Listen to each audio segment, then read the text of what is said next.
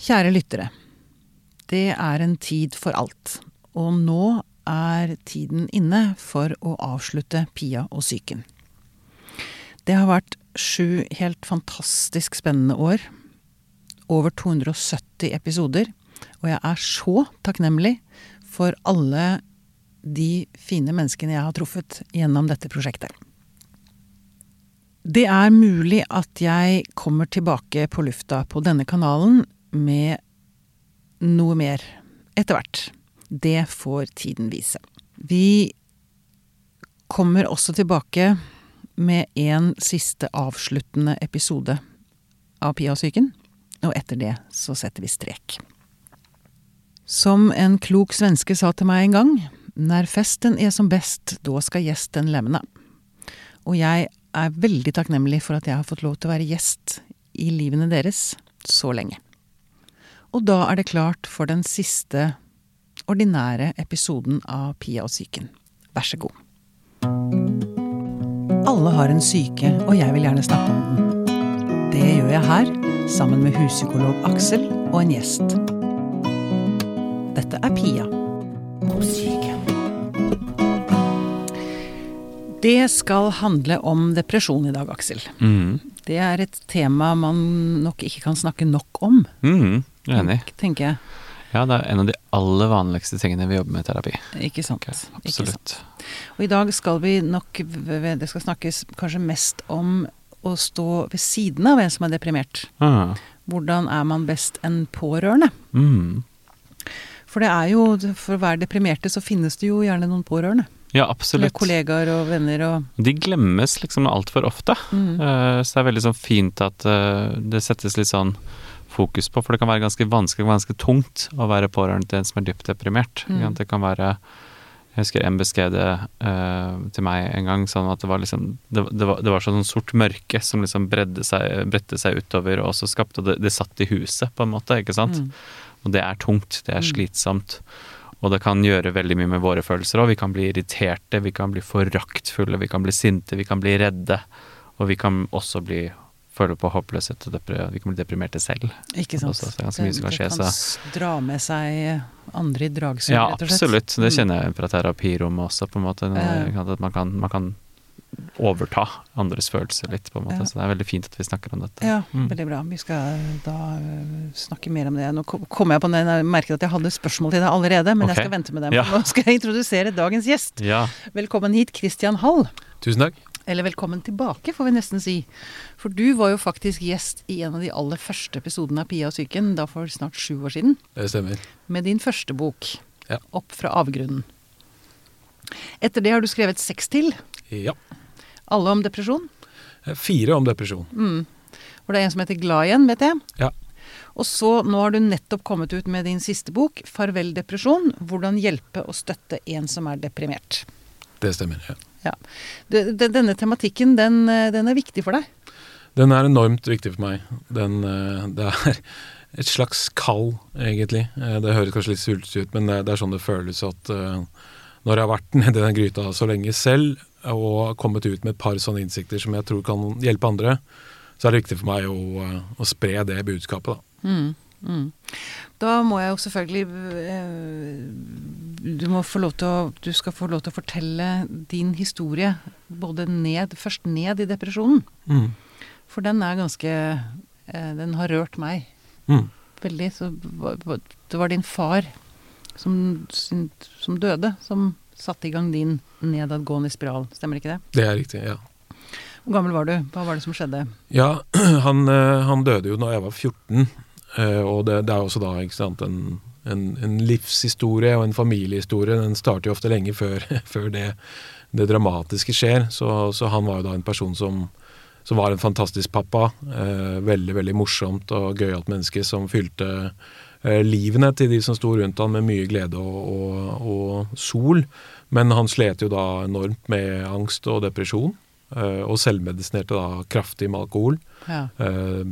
I hele min levetid med han. eh, og det endte da med at han døde til slutt da jeg var 14. ja. Og da var det jo da sånn at jeg gikk jo ned i en dyp sorg, selvfølgelig. Eh, men eh, den sorgen den ble jo da gradvis transformert over til en depresjon. Og det, det er umulig for meg å peke på akkurat når det skjedde, for det mikses jo sammen i en sånn Mm. svart, uh, grumsete suppe. Men nå snakker vi liksom utover i tenårene. At du, Det er riktig, ja. Gymnas og sånn var du stort sett deprimert. Ja, det stemmer. Mm. Så det, jeg pleier å si at uh, jeg var vel sånn 10-11 år i depresjon da fra Jeg setter starttallet liksom fra pappa døde, Ja. og så til jeg var sånn eh, ja, 24 omtrent. ja. Jeg håper å si, hvor, hvor dypt gikk depresjonen? Var du suicidal og sånn, eller? Ja, så, så det blir jo fort et sånn definisjonsspørsmål. Så jeg hadde det jeg kaller for et dødsønske. Som Mm. var med Ja. meg alltid eh, og hver dag, og hvor det var mitt største ønske å få Mm. slippe. Mm. For jeg syntes at tilværelsen var såpass eh, forferdelig at jeg ville ikke Man være kan i jo du bli sånn lenger. desperat til å komme seg ut av det. Ja, absolutt. Ja, ja. Eh, og søsteren min Henriette, for vi har snakket mye om, om det i forbindelse med den siste boken, og sånn, hun har jo faktisk sagt at det hadde jeg glemt. At jeg i de verste årene ytret at jeg var forbanna på dem Ja. fordi at de var der.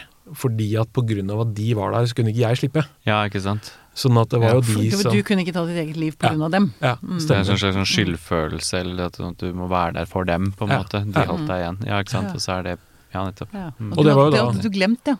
Ja, Skjønner det hadde jeg glemt. At jeg, at jeg faktisk hadde vært sint eh, eksplisitt for det, da. Ja. Men for det, da, da var det jo de som var livbøyen min, og det var jo de som holdt meg i live. Altså helt konkret, Jeg hadde ikke vært der hvis det ikke hadde vært for moren og søsteren min. da. Mm. Mm. For da visste jo jeg veldig veldig godt uh, hvor forferdelig det er å miste noen man er så glad i som, som når jeg mista pappa. Mm. Og, da, og det er fint, da, for da, da ble det på en måte en mening i lidelsen. Og det er litt Ja. sånn som uh, Viktor Frankel uh, har vært veldig opptatt av. Ikke sant? Det At det kan være mening i lidelsen. Absolutt. At det å stå i egen smerte kan være veldig meningsfylt, og, og kanskje nesten til og med litt fint. da. Mm. Mm. Mm. Ok. Uh, jeg holdt på å si, hvor mye påvirket denne depresjonen eh, Det er litt dumt å spørre, spørre om, men dagliglivet ditt altså du, du klarte å komme deg gjennom gymnaset. Altså, du, du, du klarte å fungere på et vis, liksom? Ja, på et vis. Jeg husker f.eks. Uh, når jeg gikk to år i terapi, så var jeg så enormt svimmel. Så jeg hadde sånn ordentlig bomullshue. ikke sant? Ja. Jeg klarte ikke Mm. å konsentrere meg i det hele tatt. Så endte jeg liksom opp med å sitte og jobbe på, på natta. da. For det var liksom det tidspunktet hvor jeg var klarest i huet. Mm. Eh, så jeg fant en vei gjennom det på et vis. Mm. Det gjorde jeg. Det var Mm. et strev på en måte å jobbe Ja, Ja, veldig. vondt å Men- streve med, med sånn bomullshode. Det er skikkelig slitsomt. Ja. Ja, men for, det, det tenker jeg, dette kan jo jeg kjenne igjen. Jeg også har jo definitivt mine nedeperioder. Men at man altså, det, er, det er rart altså, hvor hvor mye et menneske klarer å takle egentlig. Altså, at, Ja. ja, man klarer liksom å gjøre de tingene man må, Ja, selv om ja. det er så tungt at man nesten ikke klarer å stå oppreist, liksom. Mm. Mm. Absolutt. Så vi mennesker enig. er jo veldig Vi har en, en styrke i oss. Enormt. Jeg, jeg er liksom veldig ofte sånn øh, Jeg får liksom sånn ærefrykt når jeg snakker med mennesker, og på en måte hvor, hvor mye de klarer å komme seg gjennom, og på en måte Mm. hvor lenge de kjemper òg. Mm. Hvor lenge de har kjempet. Så er det litt sånn ironisk, for vi, det første vi sier til oss selv, er ofte at vi kommer, eller kommer folk inn døra og sier liksom og jeg burde ikke ha det sånn. De kjefter på seg selv for at de har det vondt, ikke sant. Og så Mm. har de egentlig hatt det vondt ganske lenge. Mm. eh, og har klart veldig mye. Har vært sterke nesten for lenge, ikke Mm, sant. Altså, mm. ja, absolutt. Mm. Og og også at vi også kommer oss over ganske sånn store smerter. Altså. Jeg syns det er ganske sånn fascinerende med mennesker generelt. Ja, At man eh, kommer ut på andre siden, ja. ja vi er sterkere enn vi tror, altså. Ja. Men det føles jo ikke sånn underveis i prosessen. Det gjør ikke det. Nei, det er akkurat det. Det er veldig, det veldig, vanskelig å se når man selv sitter der. Ja, ja, ja. Um, men så sier du da det tok ti år. Mm. Hva var det som, Hvordan snudde det? Hva var det som skjedde da? Ja, eh, det, det det startet med, altså ferden opp fra det mørke hullet, var eh, at jeg begynte i terapi. Mm. Og det var en sånn ting som eh, både mamma og Henriette, altså søsteren min, hadde da mast Mast og mast og mast om i, i seks år. Ja. At du skulle begynne i terapi? Ja. Hvorfor, da, da må jeg Unnskyld at jeg avbryter. Jeg får kjeft innimellom for at jeg bare jeg avbryter. kjenner igjen i historien. Jeg. Um, hvorfor Hva besto motstanden i? Rett og slett at jeg var helt overbevist om Ja. at det ikke fantes noe hjelp. Nettopp. Mm. Altså Den håpløsheten var så total Mm. og så svart at eh, det var ikke noe vits i å søke noe terapi, Nei, for det ville uansett ikke hjelpe. Mm. Det er veldig kjent, kan jeg bare si. Altså at eh, at de, med andre kan bli så opptatt at vi skal komme oss i gang med behandling, komme ut av det. ikke sant? Og så drar det mye, som så føles det så håpløst for den som er deprimert selv. ikke sant? Det føles ikke noe vits engang. Mm. Ja, det kan funke for andre, greit nok, men det funker ikke for meg. på en Mm. måte, ikke sant? Det kan bli sånn veldig sånn Og da kan det bli skikkelig ja, masete når folk rister i oss liksom, og skal ha oss til å gå i behandling. Ja. Mm. Men, og der tenker jeg liksom sånn at det, det fins en nøkkelhistorie i akkurat min historie Mm. der, sånn, for det viser at hvis du ikke gir deg, hvis du er pårørende, og, og vi skal snakke mer om det, og, og det er forferdelig tungt, og du føler ofte, for jeg har vært pårørende selv òg, at du står og bare banker hodet i veggen, og du kommer ingen vei, du når ikke inn til den som er syk. Mm. Men ikke sant, så de maste i seks år, og det, det hjalp jo, ikke sant? Altså, det var kanskje det som skulle til, da. Seks år med insistering på at det, dette her tror vi at du trenger. Ja. Og så lykkes de på en måte til slutt, da. Ja. Så det, det, det er en Ja, slags hva- historie av håp hva der òg. Var det at det var seks års masing, eller hva, hva var det? Var det noe de sa som gjorde at du plutselig tenkte at ok, jeg må gjøre et forsøk? Ja, så det var liksom ikke en sånn siste utløsende prat. Nei. Nei, nei. som, jeg husker Det gikk ikke opp et lys for deg, liksom? Nei. Det var ikke det. Det var rett og slett eh, det, de seks årene med masing. You were worn down. altså. Ja. Worn down. ja, ja. De lykkes til slutt. Mm, jeg skjønner. Mm. Ok. Og så eh, to, to år i terapi, og da, da begynte du å se ly- at det lysnet? Ja, så, så han terapeuten jeg gikk til, som var en, en veldig fin terapeut, en veldig sånn varm og, og flink og fin terapeut, han uh, var veldig sånn, hva skal jeg si, nesten sånn psykoanalytisk i sin eh, inngang. sånn at det var De to årene handlet nesten i sin helhet om mitt forhold til pappa Mm. og hans forhold til farmor, for det er definitivt en del av historien. Eh, og liksom å få greid opp i den veldig kompliserte sorgen jeg sto i. Ja. Å få lov til å være sint på pappa for, eksempel, for Ja. at han ikke klarte å ta tak i livet sitt, at han døde. Og, og så gå gjennom ulike sykler hvor jeg kunne tilgi han igjen ikke sant, etter det. og sånn. Så, så det, det tenker jeg var helt nødvendig for meg, og veldig veldig viktig å få liksom ordna opp i den kompliserte sorgen. Mm. Men jeg var jo fremdeles skikkelig sjuk når jeg var ferdig med de to årene. Mm. Uh, så jeg var bedre, men jeg var jo fremdeles skikkelig sjuk. Men da hadde jeg liksom sett at det fins håp. Ikke sant? Mm. Så nå har jeg gjort det her i to år, og jeg er definitivt bedre. Så nå, nå er jeg liksom på vei i en riktig retning, så nå må jeg bare fortsette å ta tak i det her Mm. uh, for å bli helt frisk, da. Ja. Mm. Og det gjorde du med mer terapi, eller du hadde jo lært teknikker som Ja, så, så det, det som, som jeg, jeg var overrasket over, er at selv om den terapien var veldig, veldig bra for meg, så var det jo liksom aldri noe snakk om alle disse andre tingene som vi vet hjelper mot depresjon. Mm. I hvert fall den type depresjon som jeg satt i, da, for det er mange Mm. forskjellige typer depresjon. ikke sant? Mm. Men ikke sant, ting som da fysisk mosjon, øh, kognitive teknikker, Mm. teknikker fra positiv psykologi. Øh, jeg har også brukt mye liksom mindfulness og meditasjon og sånn. Mm. Så det, det var egentlig det jeg måtte gjøre, var å lære meg alle disse andre teknikkene, og så praktisere dem da i, i ja, hva blir det da? Eh, To-tre år. Mm. Og når jeg var ferdig med det da, så husker jeg en dag jeg liksom kunne erklære meg selv som mer eller mindre frisk. Mm. Ja. Mm. Fordi at depresjonene da var blitt så sjeldne og så lite intense da, at Mm. eh, det var liksom peanuts. Ja. Der kan jeg leve med å stå i. Ja. Mm. Men kjenne, kan du kjenne på det fortsatt i dag, eller? At, det er, at den ligger bak der som et slør, eller? Ja, det, det jeg kjenner er ikke sant, det som jeg da omtaler som demoner, da. Mm. uh, som kan være f.eks. en sånn forferdelig ond stemme som man uh, Det er dine egne tanker. Det er liksom ikke en sånn schizofren hallusinasjon, Nei, nei. men det er dine egne tanker som sier at du er ikke verdt noe, du er en idiot, du lykkes ikke med noen ting. Greiene der. Mm. Og Indre når kritiker, på en måte. Ja, ja, sånn- på ryggen. Supercharga indre Ja. kritiker som bare står og hyler og skriker 24-7. Ja. Så, så det greiene der kan jo komme igjen. Mm. Og kanskje perioder hvor jeg er stressa, har sovet dårlig. eh, det er klassisk. Mm. Eh, Så kan jo det greiene komme igjen, men, men nå har jeg bare en helt annen verktøykasse. Ja. Så jeg kan i mye større grad bare la den stemmen få stå der og snakke litt, da. Mm. Så vet jeg at han gir seg i løpet av en tid. Og da, Mm. så effekten blir så mye mindre, da. Ja. Mm. Uh, Det er som om du er ikke, du er ikke i, i depresjonens vold lenger. Nei, ikke sant. Den, du Så- kjenner den, men den får ikke et grep Ja, liksom, ja. igjen. Ja, så den, den klarer kanskje å komme jeg, jeg kan være blå, ikke sant, melankolsk, eh, lei meg, sånne ting men depresjon for meg er noe helt annet. Da. Det er Mm. liksom en sykdom. Mm. Da har du ikke kontroll over det på noen som helst måte. Nei. Ikke? Men fordi jeg, jeg tenker jo um, Eller føler er riktigere da at min depresjon handler om noen sterke følelser. Mm. Eh, eh, som ligger bak Som jeg har dratt med meg fra jeg var veldig liten. ikke sant? At det er sår der som Mm. gjør at Som trekker meg ned. Og som, som er egentlig kilden til den indre kritikeren. Mm. Altså det er der den får næringen fra, da. Mm. Kommer fra sårene. Mm. Men tenker du det? At, at Eller har du bearbeider du også Altså du snakker om teknikker og sånn, Mm. men bearbeider du også følelsene? Eller tenker du, eller tenker du som meg, at Mm. depresjonen kommer fra sår? Ja, ja jeg, jeg gjør jo det. Og så er det jo den en uendelige debatten liksom om eh, har man uh, blitt født sånn eller blitt sånn, ikke sant. Så når jeg, jeg tenker at det er interessant å se på søstera mi. Som jo da har veldig mange av de samme sårene som jeg har. Mm. For det, det ble jo skapt eh, sår i barndommen, ikke sant. Det var Er hun jo, yngre enn deg? hun er eldre. Eldre. Tre år eldre. Mm. Men hun har en helt annen eh, mindset. Hun, hun er jo liksom enormt eh, optimistisk og positiv, Mm. og har alltid vært det. Mm. Så, der, så der tenker jeg at du ser litt sånn den rett og slett den genetiske forskjellen. da. Ja, ja, at, at, liksom. ja, ja. Mm.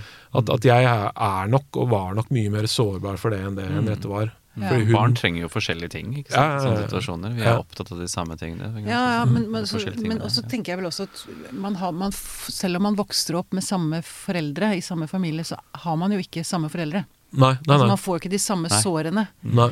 Eh, både av ting som kan skje, altså konkrete hendelser som er mer sårbart for en som er tre enn en som er seks. Mm. Eller at foreldrene behandler jo også barna sine ulikt. Så det, det kan man jo ikke vegre seg mot. Ikke sant? Man har forskjellig temperament, og noen temperamenter spiller ikke så bra sammen. Eller Mm. altså Helt klart. Det er masse genetikk og temperament og sensitivitet. Altså sånn grunnleggende forskjellige sånn personlighetstyper. Vi, I den retningen som jeg kommer fra, snakker vi ofte om identitetsbehov og tilknytningsbehov, f.eks. eksempel At vi ofte trekker oss litt mer med det ene enn det andre. Så f.eks. la oss si at uh, to barn da uh, blir uh, mister foreldrene sine på et kjøpesenter og ikke finner dem. Ikke sant? Og så sitter de i den sitter og venter med vakta. Ikke sant? Liksom, Ja. Hvor er mamma og pappa? Og så kan den ene kan oppleve det som å være utrolig alene.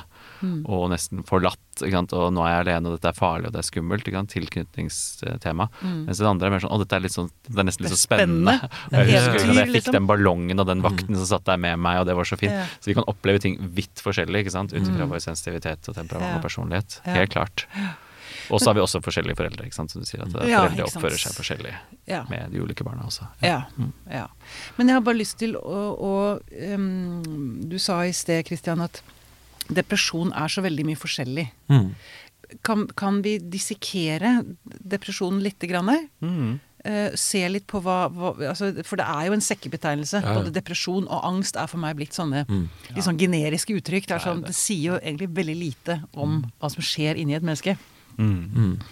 Så jeg vet ikke om du kan begynne, Aksel, og så kan uh... Jo, altså hva skal, vi, hva skal vi starte? Det er en sekkebetegnelse, akkurat som du sier. Det, det er liksom viktig å huske at, eh, at alle diagnoser, da, hvis vi skal starte med at ser på det som en diagnose, uh, er en betegnelse av et øyeblikk på en måte i et menneskes liv. At sånn har det mennesket det nå. ikke sant? Altså det er, og så sitter man og teller symptomer. ikke sant? Det har vi snakket om før, tror jeg. Og så sitter man og teller, kan se man er personen nedstemt, er det to uker, sant? har de redusert initiativ, Mm, uh, og så er det mange tilleggssymptomer. ikke sant? Som for eksempel eh, ned, mindre energi i kroppen, søvnproblemer, appetittendringer osv. Så, videre. Mm. så teller man liksom, kan si man okay, du, du har så og så mange, så da er du deprimert, eller liksom, mild, moderat eller alvorlig. Så koder man på en måte. Mm. Men det sier jo ikke noe om hva det mennesket opplever. Så det finnes jo like mange forskjellige depresjoner som det finnes mennesker. ikke sant? ja.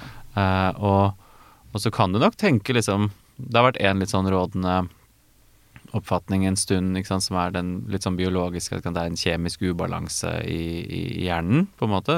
Serotoninhypotesen, som vi kjenner til. Og da, derfor så får man SSRI-medisin, antidepressiva, da, ikke sant, som Mm. skal hemme gjenopptaket av serotonin, sånn at du har mer serotonin i hjernen, og så er det Mm. behandlingen, på en måte. Og så, og så er det også selvfølgelig sånn som vi snakker om nå, du, du snakker om det på den andre, du, der er vi ganske like. Kristian, vi ser på det, det kan være det, det, er, det kan være sår, det kan være følelser, det kan være uh, noe, en sårbarhet vi har med oss, og det kan være vanskelig med å håndtere smerte. Altså, Ja. Følelsesregulering det kan være skikkelig vanskelig. Mm. Men vi kan også si at det vil jo finnes rent biologiske depresjoner også, f.eks. hypotyroidea, for eksempel. Altså hvis man, det er skjoldbruskkjertelen, da. Ja. Hvis man mangler, altså det er noen hormonforstyrrelse der, så kan det gjøre at man blir klinisk deprimert. Ja. Som er rent, Rent. endogen depresjon. Eller D-vitaminmangel. Mm. Ja, ja. Det er noe sånn rent biologisk også. Ja. Og så ser man at det er høy arvelighet mellom Det går i generasjoner og sånn. Da er spørsmålet arver man gener, er det, er det sensitivitet, eller er det at man vokser opp en Det er veldig vanskelig. Vi vet ja, ja. ikke. Ja. Mm. Ja. Men det syns jeg er veldig fint, at som Christian får fram at det er, det er forskjellige ting. Ikke sant? Det er mange veier ut. Ikke sant? Noe er å jobbe med sårene, noe er å jobbe med hva er det som opprettholder det. Mm. At det er noe, vi, trenger, vi trenger begge deler. Vi trenger å jobbe med sårene våre, og vi trenger også å jobbe med det som Jobbe med måter å håndtere symptomer på. Vi trenger begge deler på et vis. Mm, mm, mm. Er du det enig? Jeg er veldig, jeg er veldig enig. Og det, Det du som- beskriver at du har gjort, på et vis, egentlig. Ja. Ja, og der, jeg tenker liksom sånn at det, det som opprører meg, da, så når du ser på hvordan altfor mange mennesker som sliter med depresjon eller andre, andre eh, psykiske lidelser blir behandla av helsevesenet, så, så er det klart hvis du har en depresjon som kommer fra ett eller flere store traumer Mm. uh, fra barndommen eller bare tidligere i livet, så er det klart at jeg tenker at hvis du da bare får medisinell behandling, ja. så rører du jo ikke ved rotårsaken til depresjonen, og det, det blir stygt for meg. Det er Altså. som Paracet for en senebetennelse. Ja, ikke det, det- det er ille, altså. Det fikser ikke at du Jeg bruker ikke armen din annerledes etterpå. på en måte. Ja. Ja. Og det er litt sånn, sånn, litt sånn fra det bakteppet også at jeg har skrevet den boken her nå. fordi at det er klart at hvis du må, og det må jo folk da, vente opptil tolv måneder for å få eh, tilgang til samtaleterapi, Mm. Så, så sies det at vi har et kapasitetsproblem som er enormt. da. Mm. Det er bare ikke bra nok. ikke sant? Og Mange av de menneskene som står i den køen, er jo da, er jo da suicidale. ikke sant? Så vi risikerer å miste dem. Mm. Og da blir det de pårørende som blir liksom sånn som må ta opp den byrden, da. Og som er førstelinjeforsvaret, på en måte. Mm. Så jeg tenker at hvis man kan utstyre dem til å være en litt mer effektiv hjelp, så, så kan det være nyttig. da. Ja. Mm. Være litt eh, mer effektiv hjelp eh, for den, den som er syk. Ja. Og samtidig ivareta seg selv. Ja. Fordi det, det, Ja. det hjelper jo ingen, heller ikke den deprimerte, Nei. om de som står rundt også går under av Nei. den depresjonen de, de møter. Da. Og nå, jeg har bare lyst til å poengtere, du tenkte på det i sted, og det er så farlig hvis man sitter og hører på dette og er deprimert, så føler man at man blir en ekstra byrde Ja, ikke ved å høre at, man, at de rundt også får det tungt, da. Ja. Mm. Det tror jeg på en måte at mange er, av de er- kjenner på allerede. Ja. Det er liksom litt sånn at det, det er en skikkelig vond følelse å ha, og så gir den mening. For jeg tror man, man merker det. Ikke? sant? Altså, man kan bare det er noe som vi kaller for litt sånn depressiv realisme òg. At man, man kan faktisk altså, merke ganske Noen ganger så merker man til og med presist at det kan påvirke en annen. At du merker at Ja. andre også blir tung. Mm. Og det er faktisk helt riktig. Så det gir mening. Så det er mye skyld og skam, men den skylden og skammen er ikke hjelpsom. Nei. Det er den ikke. ikke sant? Du trenger hjelp og støtte i den. Ja. Ja. Absolutt. Ja. Men det er på en måte Vi kan være litt sånn redde for å snakke For vi ønsker, det er en skyld og skam man ikke ønsker at en person skal ha, for den er ikke til hjelp for noen, på en måte. Mm. Men så må vi også anerkjenne at det er noe som foregår der. på en måte. Det er, det er liksom et velkjent tema. Det er, det er også en følelse å validere, da, på en måte. Mm. Hvis det kan ha mening. Ja. Mm. Så det skal ikke være et ikke-tema heller. Nei, for det er liksom, ja, det, er for akkurat den det er samtalen det du vi setter ord på i boka har, har fint. her nå, ja. er vel noe som eh, den deprimerte og den pårørende Det er så kliniske sånne ja, det blir det. Mm. Den som har det Hvis- vondt, hvis, og den som eh, står der ved siden av. ja. Skal vi si det sånn? Ja, ikke sant? Um, at den samtalen her også kan tas, er det, går det an? At man som pårørende kan sette seg ned med den som er, har det vondt, og si at øh, Jeg ser at du har det vondt. Jeg kan ikke være der for deg hele tiden, Mm. for da går jeg selv under. Kan man si det? Ja, jeg, jeg tenker i aller høyeste grad ja. Og jeg Mm. tror at det er så utrolig viktig. Og det er litt sånn det, det jeg kaller for metasamtalen. da. Mm. Og som er relevant eh, for alle relasjoner, altså om det er din ektefelle eller broren din, eh, uansett om noen er syke eller ikke, er å snakke om hvordan man snakker sammen, og hvordan man har det sammen. Og, og det, jeg tenker at også for den som er deprimert, så, så er det fint og nyttig å kunne ha den samtalen så åpen som mulig, og at det må være lov for de som er pårørende å si at vet du hva, jeg, jeg er så sliten akkurat nå. Mm. Så kan vi ta den praten her i morgen, f.eks. Eller altså, det, det er kjempe, kjempeviktig, altså. Jeg kom på en ting at eh, Vi har en sånn regel i, i individualterapi, i hvert fall um, i det fagfeltet jeg er i, at når vi, altså selvavsløring kan være ganske viktig. Ikke sant? Så avsløre noe om hva, hvordan man selv føler, og det er jo det vi på vis gjør der, da, hvis vi, ser pårørende, hvis vi ser på den pårørende som en hjelper, da. ikke sant? Men at når man selvavslører, skal man alltid gjøre det på primærfølelsen sin, og ikke sekundærfølelsen sine. Og dette Mens, må du eh, forklare jeg skal- ja, jeg er i gang. i, i vanlige folks termer. ja, I følelsen, i grunnleggende følelsen som er i bånn, og ikke i det, den følelsen som er på overflaten. F.eks. at jeg blir så irritert av deg når du er så mørk. Det er en Ja. sekundærfølelse, det er irritasjonen. Ja. Det er sinnet og irritasjonen eller håpløsheten. Mm. Hvorfor er den der? Jo, ikke sant. Stort sett fordi man føler seg eh, utilstrekkelig. Ja, Ikke sant? Eller ikke god nok. Eller, Eller at jeg ikke klarer ja, Eller redd. Eller jeg føler meg alene med deg. Du er så mørk, så jeg føler at jeg har mistet deg. Ikke sant? Altså, at man må snakke fra frykten sin da, og, og følelsen sin. av at, Og ikke snakke og motstå fristelsen av å handle på impulsen som kanskje kan være Ja. å være foraktfull eller sint eller klandrende eller kritisk. Det er ganske stor Ja. for, eller håpløs. Ja, jeg vil si håpløs er også en sekundærtilstand, på en måte. Ja, og også eh, eie sin egen følelse, ikke Yes. legge skylden på den andre. Nettopp. Det, du gjør meg Og det er det, Du skal ikke si 'du gjør meg'. nettopp, ikke sant. Håpløs. Jeg kjenner at Jeg, jeg, ikke føler sant. på frykt nå. Ja. Eller jeg føler på Mm. Og den må også få lov til å være der, på en måte, den følelsen der. For hvis, Mm. hvis, hvis den pårørende ikke tillater seg selv å kjenne på det, mm, så vil det komme til overflaten på andre måter. Det tror jeg, altså. Da blir man mer sint, mer foraktfull, mer engstelig, mer tung. Det ja, tror jeg. og Altså, komme lenger fra hverandre. ja. Og så kan det selvfølgelig hende at man skal snakke med andre om den nå. Ikke sant? Altså at man kanskje kan gå til en annen, altså hente støtte fra andre steder. ikke sant? Spesielt hvis det skjer gang på gang. Da, at det bare gjør at det blir vondt, og det er en byrde for deg. altså Det blir sånn hele tiden. Kan man velge liksom om hvor man henter den støtten, da. Ja. Pårørende trenger også støtte, liksom. Vi må ta på Mm. vår egen oksygenmaske før vi tar på andres. Ja, Mm. ja. Ikke sant? Men eh, Henriette har jo skrevet et veldig vakkert forord Mm. til denne boka di. Mm. Hun, og du sa det jo i sted, hun har vært en eh, Hun er en bra støtte for deg. Ja, enormt. Men har, har hun Meldte hun det underveis at nå blir det for tungt? For henne? Eller? Det kan jeg faktisk ikke huske. Og heller ikke mamma, eh, som var da liksom mine to åpenbart største primærpårørende. da. Mm.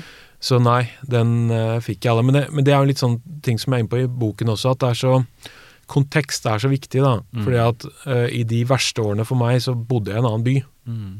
Og det, Ja. det er veldig forskjellig fra hvis du bor i samme hus som en som er sterkt deprimert. Mm. Eh, og det gjør at ulike pårørendesituasjoner er veldig forskjellige.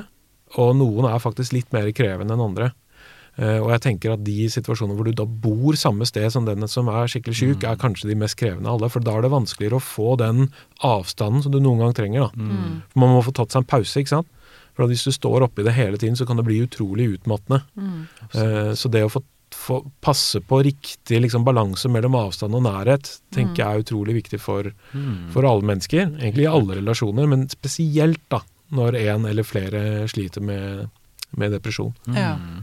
Absolutt. Ja, for det, det er også denne Eller mm, eh, jeg kan kjenne den i meg selv når jeg er langt nede, at man, man får lyst til å klamre seg til andre. Mm. Og jeg kan merke det med andre som er deprimerte, så, så, og jeg føler at jeg kan drukne av Fordi den deprimerte står og nesten skriker 'jeg vet ikke hva jeg skal gjøre'. Ja. Ja. Ikke sant? Det er så fortvilet Mm. og håpløst, og, Mm. og, og, og, og, og så sitter man der, og, man, og så kan man ikke hjelpe. Mm. Mm. Det er jo den følelsen som er så vond, da. Mm. Og krevende å stå i Mm. lenge. Absolutt. Og jeg, jeg husker uh, veldig godt, uh, fordi jeg bodde sammen i Trondheim, da. Hvor jeg da bodde i et kollektiv med tre andre venner. Ehm, og det var et tidspunkt hvor, hvor det var en annen i det kollektivet som også hadde det tøft. Eh, og det var hvor vi nesten litt sånn klamret oss til hverandre på et vis. Mm. Og, og hvor det ble for mye for han, og hva han måtte si til meg at vet du, jeg fikser ikke det her. Nei. Mm. Mm. Eh, Vi kan ikke dra hverandre ned på den måten vi holdt på her, liksom, så jeg, jeg må ta et par skritt unna. Og det var jo veldig tøft for Ja. meg Mm. der og da. Og så i etterkant så ser jeg hvor riktig det var. Ja, Ja. fordi det hjalp deg Ja, for- til å finne din egen styrke, ja, og, eller? og at det, det ble noe veldig sånn destruktivt i det, for da var Ja. man to som sleit, da. Ja. Ja. Eh, Så selv om man To indre, indre sterke kritikere Ja. som driver og bygger hverandre opp. Det er ikke ikke sant. Ja. Så, så, så det er vanskelig, men, men det trenger ikke være så vanskelig. Og jeg tenker at det blir mindre vanskelig hvis man har den der gode samtalen Ja. underveis, hvor det er lov å føle for, for begge. Eller Ja, det må hvis er være lov, parter, ikke sant? Ja. Absolutt, det må være lov. Og så vil jeg også bare påpeke, altså litt sånn i forlengelse av det du sa, også sa, eh, Pia, at det er litt sånn, når man snakker fra det noe grunnleggende, ikke sant, for eksempel at altså den der at jeg, eh, jeg føler meg alene, så kan det skape ganske mye nærhet plutselig. Altså, Mm. Fordi de rene følelsene, der er det, er det faktisk en fysiologisk forskjell. Altså, som du sier, man kan bli sliten av å snakke, altså, eller depresjon. mm. Ja, Det kan være slitsomt, fordi det er, det er et på en måte Det kan være et rotete emosjonelt signal å ta imot. Ja. Ikke sant? Det er, det, er, både, det er ikke en ren tone her, på en måte. Ikke sant? Mm, Det, det, er liksom, det er håpløshet, støy, det er 'hjelp meg, jeg vet ikke hva jeg skal gjøre'. Det er Mm. også ha deg vekk, det nytter ikke. Det er ganske mye som liksom kan dra og slite i oss sånn rent nevrologisk, tror jeg, da. Mens for eksempel en ren sorg, ikke sant. Jeg savner faren min. Det utløser omsorg og empati med en gang. Ikke Ja. sant? Da vet vi hva vi skal gjøre. Ja. Eller jeg føler meg alene. Jeg er her for deg. Ja. Så vi føler naturlig eh, og vi føler lettere empati for de rene følelsene, på et vis. De grunnleggende følelsene Mm. Ja. som sier noe direkte. Da kobler empatien vår, og da kan vi stå der i evigheter. Og det mener jeg, for dette merker jeg som individualterapeut òg. At jeg kan sitte i smerte veldig lenge, Så lenge, så lenge den er eh, litt sånn ren, på et ja, vis. Ja. Mens håpløshet og, og depresjon og sånn kan bli slitsomt. For det kan sette seg på, ja, det kan sette seg på en annen måte i kroppen, rett og Ja, slett. ja, ja. Men det er vel ikke så lett når man er dypt deprimert å forstå hva primærfølelsen Nei, er. ikke sant? Jeg tror ikke man For har tak i det. Man er ikke det. Man er i den håpløse eller tilstanden, eller den vonde tilstanden. Ikke sant? Man er Ja, ja. i noe annet. Ja. Ja. For klarte du å si at det var sorg? Nei, så, så det, det, Eller dette var forsto du det kjempe... selv? Mm. Nei, dette var kjempe... Altså, jeg forsto jo sorgen, for den var der først. Men eh, alt ble sausa sammen. Ja, Eh, og det var veldig veldig vanskelig for meg å forholde meg til. Og det, det, det gikk jo veldig lang tid før jeg forsto at, at jeg var deprimert. Mm. Og at det jeg sleit med, hadde et navn, og at det er en sykdom. eh, og også at det kan behandles, ikke sant. Mm. Um, og, og det er jo kjempetricky, men jeg tenker at det, det er et sånn viktig første steg er å forstå bedre hva det er man selv står i. da. Mm. Eh, både for den pårørende og for den som sliter. Mm. Helt klart. Ja. Da lurer jeg på om du kan fortelle litt, Christian, om eh, noen teknikker eller noe pårørende kan gjøre. Altså, hva, hva, hva er dine tips? Du har listet opp ti tips Ja. i boka. Mm. Kan, kan vi dra kort gjennom dem? Eller Ja. ikke kort, men fort. Eller altså, ja. Eh, Vi, vi kan ikke bruke et kvarter på hvert tips. det. Nei, nei, nei. nei, nei. nei jeg, jeg, jeg skal ikke ta hele lista. Eh, ja, det kan jeg gjøre. Så jeg, jeg tenker at et viktig sånn førstebudskap for meg er å dra det helt ned. Eh, på en sånn måte at det trenger ikke være noe komplisert i det hele tatt. Og så litt sånn, sånn ufarliggjøre det å skulle være pårørende til en som sliter. Da. Mm. Eh, fordi at jeg tror at det er veldig mye frykt. Hvis du er pårørende til en som er deprimert, og du ikke forstår hva depresjon er, og det gjør du ikke hvis du ikke har vært deprimert selv, Mm. eh, så tenker jeg at det er veldig mye frykt, at du blir veldig usikker på hva skal jeg si og hva skal jeg ikke si, og at du er veldig redd for å si feil ting og sånn. Mm. Og det, det, det jeg prøver å gjøre i starten, er litt sånn dra det ned og si at vet du hva, hvis du bare er der, Ja. så gjør du allerede 90 ikke sant? Ja. Du trenger egentlig ikke si noe spesielt eh, eller gjøre noe spesielt i det hele tatt. Hvis du bare er der og viser at du bryr deg, Ja. Det er liksom de, de viktigste tingene. Ja, det være et medmenneske. Det er det viktigste du kan gjøre. Og hvis du gjør det, så har du allerede gjort det som Veldig mye av jobben. Ja, veldig mye av jobben. For mange kan det bli litt sånn 'dette må en ekspert håndtere', på en Ja. måte. Dette Ja. kan ikke jeg her, er ikke dette må noen andre snakke om, jeg kan ikke snakke Og det kan være veldig avvisende igjen. Ikke Ja. sant? Ja, ja. Jeg kan ikke snakke med den Ja. Og så er jo det Faren er jo at Ja. pårørende forsvinner. Ikke sant? Ja, ja. Man, bare, for man blir redd De for det. seg unna, ikke sant? De trekker seg unna. Ja, det er det er de, veldig veldig mange som er pårørende, trekker seg jo unna de som er deprimerte, fordi at dette er skummelt og komplisert, og dette forstår man ikke, og så blir man veldig redd for å si noe feil. Ja. Så hvis man bare kan si, vet du hva, ikke tenk på det, bare vær deg selv. Og bare gjør normale greier. Bare vær til stede. Sjekk innom, ring, eh, send en melding eller stikk innom. eh, Gå en tur. Gjør det enkelt. Det er kjempe, kjempe, kjempefint. Og det vil bli satt enormt stor pris på av eh, den som sliter. Og så uh, har jeg måtte også gitt litt mer sånne avanserte råd. Og, og det det handler om da, er hvis, hvis bunnlaget her er å bare være et medmenneske, og være seg selv, trenger ikke si eller gjøre noe spesielt, så kan du bygge på. Og det, det første da er å forstå litt mer om hva depresjon er. For depresjon er jo ganske sært. ikke sant? Fordi det er jo, igjen, Vi har snakket om det med at depresjon er mange forskjellige ting, men for mange som er deprimert, så er det en forvrengning av tankene og følelsene som ligger i bånn. Eh, og det å forstå det, og forstå hvordan det kan utarte seg å være deprimert, tenker jeg kan være veldig nyttig både for den som er pårørende, og også for den som da sliter. Eh, at man kan bli forstått litt mer, at du kan forstå at det faktisk ikke funker å si til en som er dypt deprimert at du må bare ta deg sammen. Ikke sant? Du må bare stå opp av senga, bare gjør ditt, gjør datt. Nei. Forstå det sånn at du kan leve deg inn i den andres opplevelse. Ja, ja. Mm. Så, så det er et slags sånn eh, lag nummer to. Og så er det eh, at du kan begynne å ta initiativ. Du kan lese det opp, og så kan du begynne å ta initiativ til eh, aktiviteter som kan hjelpe. Og jeg sier kan, for det vet man jo ikke, fordi at folk er så forskjellige, ikke sant. Men man kan da prøve ulike ting. Du kan være med den som er deprimert, og gjøre ulike ting. Mm. Og det kan alt fra være så enkelt som at bare gå en tur i skogen, liksom. Mm. eh, som er der jeg ville startet, da. For det er, det er så positivt som det er, og det er veldig lavterskel å gjøre. ikke sant? Mm. Så kan det være litt sånn Skal vi prøve å gjøre takknemlighetsdagbok sammen, f.eks.? Eller skal vi melde oss på et meditasjonskurs sammen? Og det tenker jeg at det, det med å gjøre noe sammen er veldig lurt. fordi at hvis det bare er sånn du burde gjøre det, det blir veldig sånn avvisende og ikke noe positivt budskap for den som har det tøft. Men hvis, hvis det kan heller være at hva hvis du og jeg prøver å dette, gjøre dette sammen? Ja. Og la oss prøve å gjøre noe gøy ut av det. Ja, for jeg tenker jeg blir også, kan bli sånn eh, Jeg vet, altså Hvis noen hadde sagt til meg kan vi ikke gå ut på et meditasjonskurs sammen, så kunne jeg nok blitt litt irritert. Altså, det, det kan være at det kanskje bare er å gå holdt på å si, se en fotballkamp.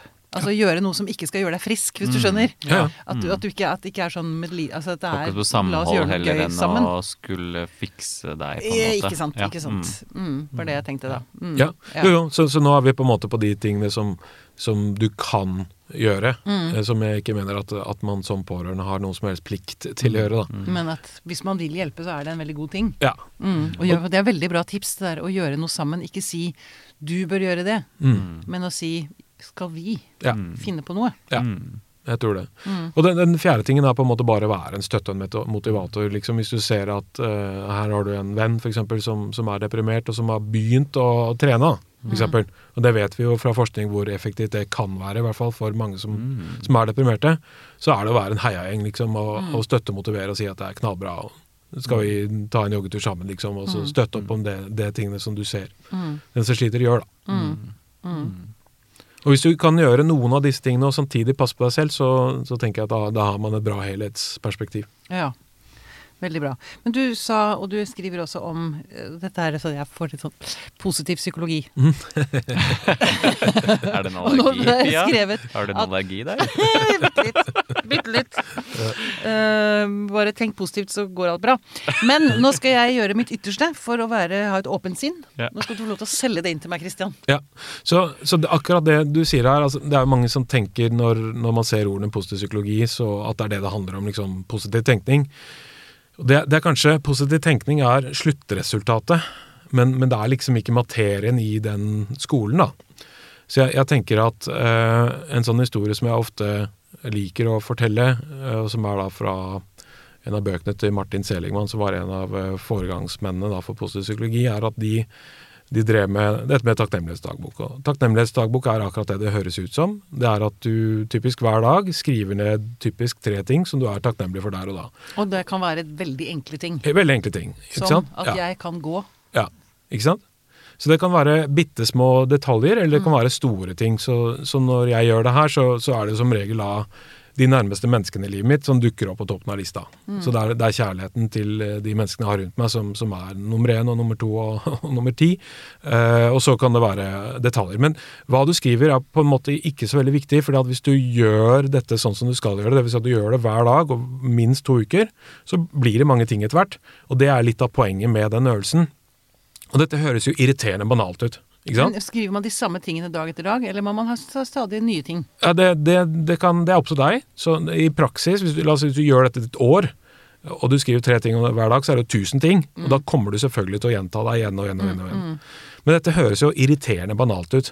Virkelig. Det, og det skjønner jeg. Jeg skjønner at folk reagerer på den måten når de hører om det her. Liksom, Nei, Ida. Det er snakker om en alvorlig psykisk lidelse, så skal du sitte og skrive ned at solen skinte og, og du er glad i, i hunden din, liksom. Hva er dette for noe? Og så, men så har de jo forska på det. Og det, det, det jeg syns er så utrolig kult, og egentlig veldig overraskende, er at når de forska på det her, da sitter de, da har de da x antall eh, forsøkspersoner som da sliter med depresjon, og så har de en kontrollgruppe, selvfølgelig. Og så gjør denne øvelsen, så forventet jo Martin Seligman og hans medforskere at det var de med lett til moderat depresjon som kom til å rapportere størst effekt av den lille, banale, nesten irriterende øvelsen. Og så var det de som var tyngst deprimert som rapporterte størst effekt. Oi. Så jeg tenker at forskningen her er jo ganske kul, da. Fordi at det for meg, det er så mye håp i den lille historien her. For det viser at, vet du hva, noen ganger så trenger det ikke være så komplisert. Noen ganger så er det banalt irriterende enkle tiltak som skal til for at ting blir litt bedre. Og så, jeg kjenner også den der Jeg vet jeg har prøvd det der noen ganger, Mm. men også jeg, jeg vet ikke, jeg blir sittende og føle meg så teit Ja. når jeg gjør det. Mm.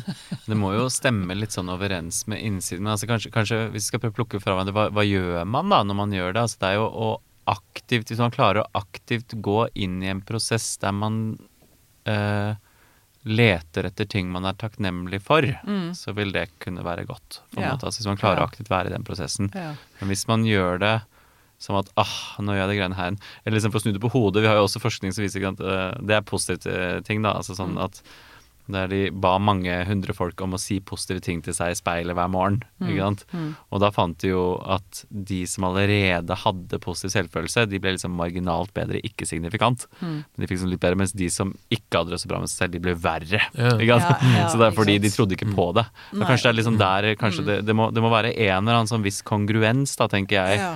mellom det du gjør og, og det du føler. Mm. Og at hvis du liksom i det øyeblikket Jeg tenker hvis, hvis jeg hadde satt meg ned så tenkte jeg at mm, jeg kjenner jeg er takknemlig for at barna mine har det bra, Mm. og jeg kjenner at ja, det er jeg i magen, Mm. så har det en god effekt. Mm. Ikke sant? Mm. Hvis, det er, hvis det blir sånn derre pseudogreie, at man bare tvinger Ja, seg sjøl til å skrive noe, så kan det bli litt mer sånn Men Ja. for, det, for det er et sånt prinsipp som jeg tenker er utrolig viktig, og jeg bare gjenta det nå da, når vi snakker om det her, er at siden folk er så utrolig forskjellige, mm. og siden depresjoner er så utrolig forskjellige, så vet du ikke om noe vil funke for deg før du har prøvd det. ikke sant? Ikke sant? Og det er klart at hvis man tester det her, det det er veldig lavterskel, ikke sant? Mm. Uh, og du finner ut at det her, det her gjør meg bare irritert, eller sint, eller gjør meg dårligere, ja, men slutt da. Ja. Mm. Ikke sant? Ja, Det er mange bare- veier Ja. her, Det er ikke sant? bare- så så det, er, det er en ydmykhet fra min side at det kan veldig godt være at disse ulike teknikkene, og det er, det er veldig viktig for meg at det skal være vitenskapsbasert, Mm. eh, ikke funker for individ A og B. Mm. Men det vet du ikke før du har prøvd det. Nei. Mm. Nei. Og som regel så, så du blir ikke dårligere permanent hvis du liksom Nei, har testa noen sånne ting. da. I noen dager. Eh, ja. Og Jeg har også på- hørt folk som har kommet til meg og fortalt der endringshistorien er at jeg Altså, jeg hørt Jeg var deprimert, og så var det en som kom til meg og så sa at nå må du gi deg. Nå må du skjerpe deg. Og så sparket det i gang en endring. Mm. Altså det er ganske Ja. mye Mm. eller, eller Ingvar Wilhelmsen har jo en hel bok om dette som heter Mm. Eh, 'Det er ikke mer synd på deg enn andre'. Ikke sant? Som var, altså, der det starter med en sånn beskrivelse av en klient Mm. som kom og hadde mange traumer og vansker, så sa du det er ikke mer synd på deg enn andre, sa han. Nei, sånn, og, så, og, så spark, og så ble det hun, hun gikk veldig i kjelleren, og det var vondt, og så etter en stund så endret det seg. på en måte. Ja. Så det er veldig forskjellige ting folk reagerer på. Jeg har nok litt mer en sånn Jeg prøver alltid å sette meg inn i opplevelsen til den, det mennesket det har, og tåle det. Ja, Mm, ja. mm, mm. Men det er, det er jo et kom, det er komplekse, komplekse endringsprosesser vi prøver å forstå her. Ja, det er det. Ja. For jeg husker han Ingvar Wilhelmsen sa noe som jeg leste for et par år siden, hvor han sa hvis du, er klart, hvis du er intelligent nok til å surre deg inn i en angstlidelse, så er du intelligent nok til å surre deg ut også. Mm. Og det husker jeg tenkte, da ble jeg veldig provosert. Ja. Fordi at altså, hvis du er dypt traumatisert, Ja. så har du ikke altså, Du har liksom ikke surra deg inn med vilje, liksom. Mm. Nei. Det er veldig forskjellig. Jeg, jeg møter liksom noen som syns det er helt fantastisk med sånne perspektiver, og noen som syns det er helt grusomt og Mm. uempatisk. ikke sant? Ja. Mm. Ja. Absolutt. Ok, Kristian. Er det andre teknikker du har lyst til å trekke frem som, som har hjulpet deg, som du tenker lytterne kan ha glede av? Ja, for- meg så var det jo virkelig de kognitive teknikkene som, som, var, eh, som gjorde susen. Mm. Eh, og det er jo fordi at mitt kjerneproblem var jo disse demonene. Ikke sant? Denne stemmen eller disse tankene om at, at jeg var er ikke verdt noe. Ja. Eh, jeg er ubrukelig, ikke sant. Eh, stygg og dum og hele pakka, liksom. Hele tida. Så hvis ikke jeg kunne få den stemmen i kjeft, så ville jeg på en måte aldri bli frisk, da. Mm. Vil aldri få det fint, for det er veldig, veldig vanskelig å skulle være glad når du har en sånn forferdelig stemme maler med deg. Ja, det, det går ikke, så jeg måtte få den til å holde kjeft. Og det fikk jeg til primært gjennom de kognitive teknikkene. Mm. Men det er meg, da. Og det, der igjen tilbake til det prinsippet at bare prøve ut masse forskjellige greier. Og være litt sånn bevisst på om dette her er nyttig for meg, eller Mm. bra, eller Mm. ikke i det hele tatt. Og så beholder du det som funker. For det vet du ikke før du har prøvd. Mm. Og disse kognitive teknikkene beskriver du godt i boka di. Ja, jeg prøver. For de, de, de er jo litt komplekse, da. Ikke sant? Det er jo det som er ulempen med det. Men de, de kan være litt eh, vanskelig å komme i gang i. Ja. Så det å ha en terapeut eller en, en makker tenker jeg kan være veldig nyttig når man skal i gang med noe sånt. da. ja. Veldig bra. Er det noe du har lyst til å føye til på slutten, som du tenker er viktig å fortelle til Ja, pårørende, kanskje først og fremst, da? ja. En, en ting som jeg ikke har, har snakket om, men, men som jeg skriver om, og det er viktigheten av å ytre kjærlighet. Ja. Og ytre at uh, du bryr deg om den som sliter. Fordi uh, igjen, jeg hadde ikke sittet der nå hvis ikke mamma og Henriette hadde gjort det igjen og igjen og igjen, og også vennene mine igjen og igjen og igjen. Og, uh, så, så vi vet ikke hva som foregår i, i hodet til den som velger å, å, gå ut den døra man ikke kommer tilbake fra, og det vil vi heller aldri få vite. Mm. Og det er så mange individer der også som vi mister, men, men jeg tenker at av alle ting jeg kan komme på som kan hjelpe Eh, så er det det å ytre kjærlighet så ofte du kan, mm. så kreativt du kan, og, og, så intenst du kan. Sånn at det, når, du, når, du, har et menneske som har den stemmen på, som sier at du er ikke verdt noe, ingen er glad i deg, så kan du kontre det ved å si at jeg er glad i deg. Mm. Det tenker jeg er utrolig viktig. Mm. Det tenker jeg er et uh, veldig vakkert råd, og et veldig, veldig viktig et. Mm. Veldig bra. Og som sagt da, hvis uh, du vil lese mer om kognitive teknikker og positiv psykologi og andre, andre gode tips som pårørende, så er altså boka 'Farvel depresjon' ute nå, så den kan leses. Kjøpes og leses. Det, det er du vel for, Kristian? Absolutt. Kristian Hall, tusen takk for at du kom til oss. Takk skal du ha.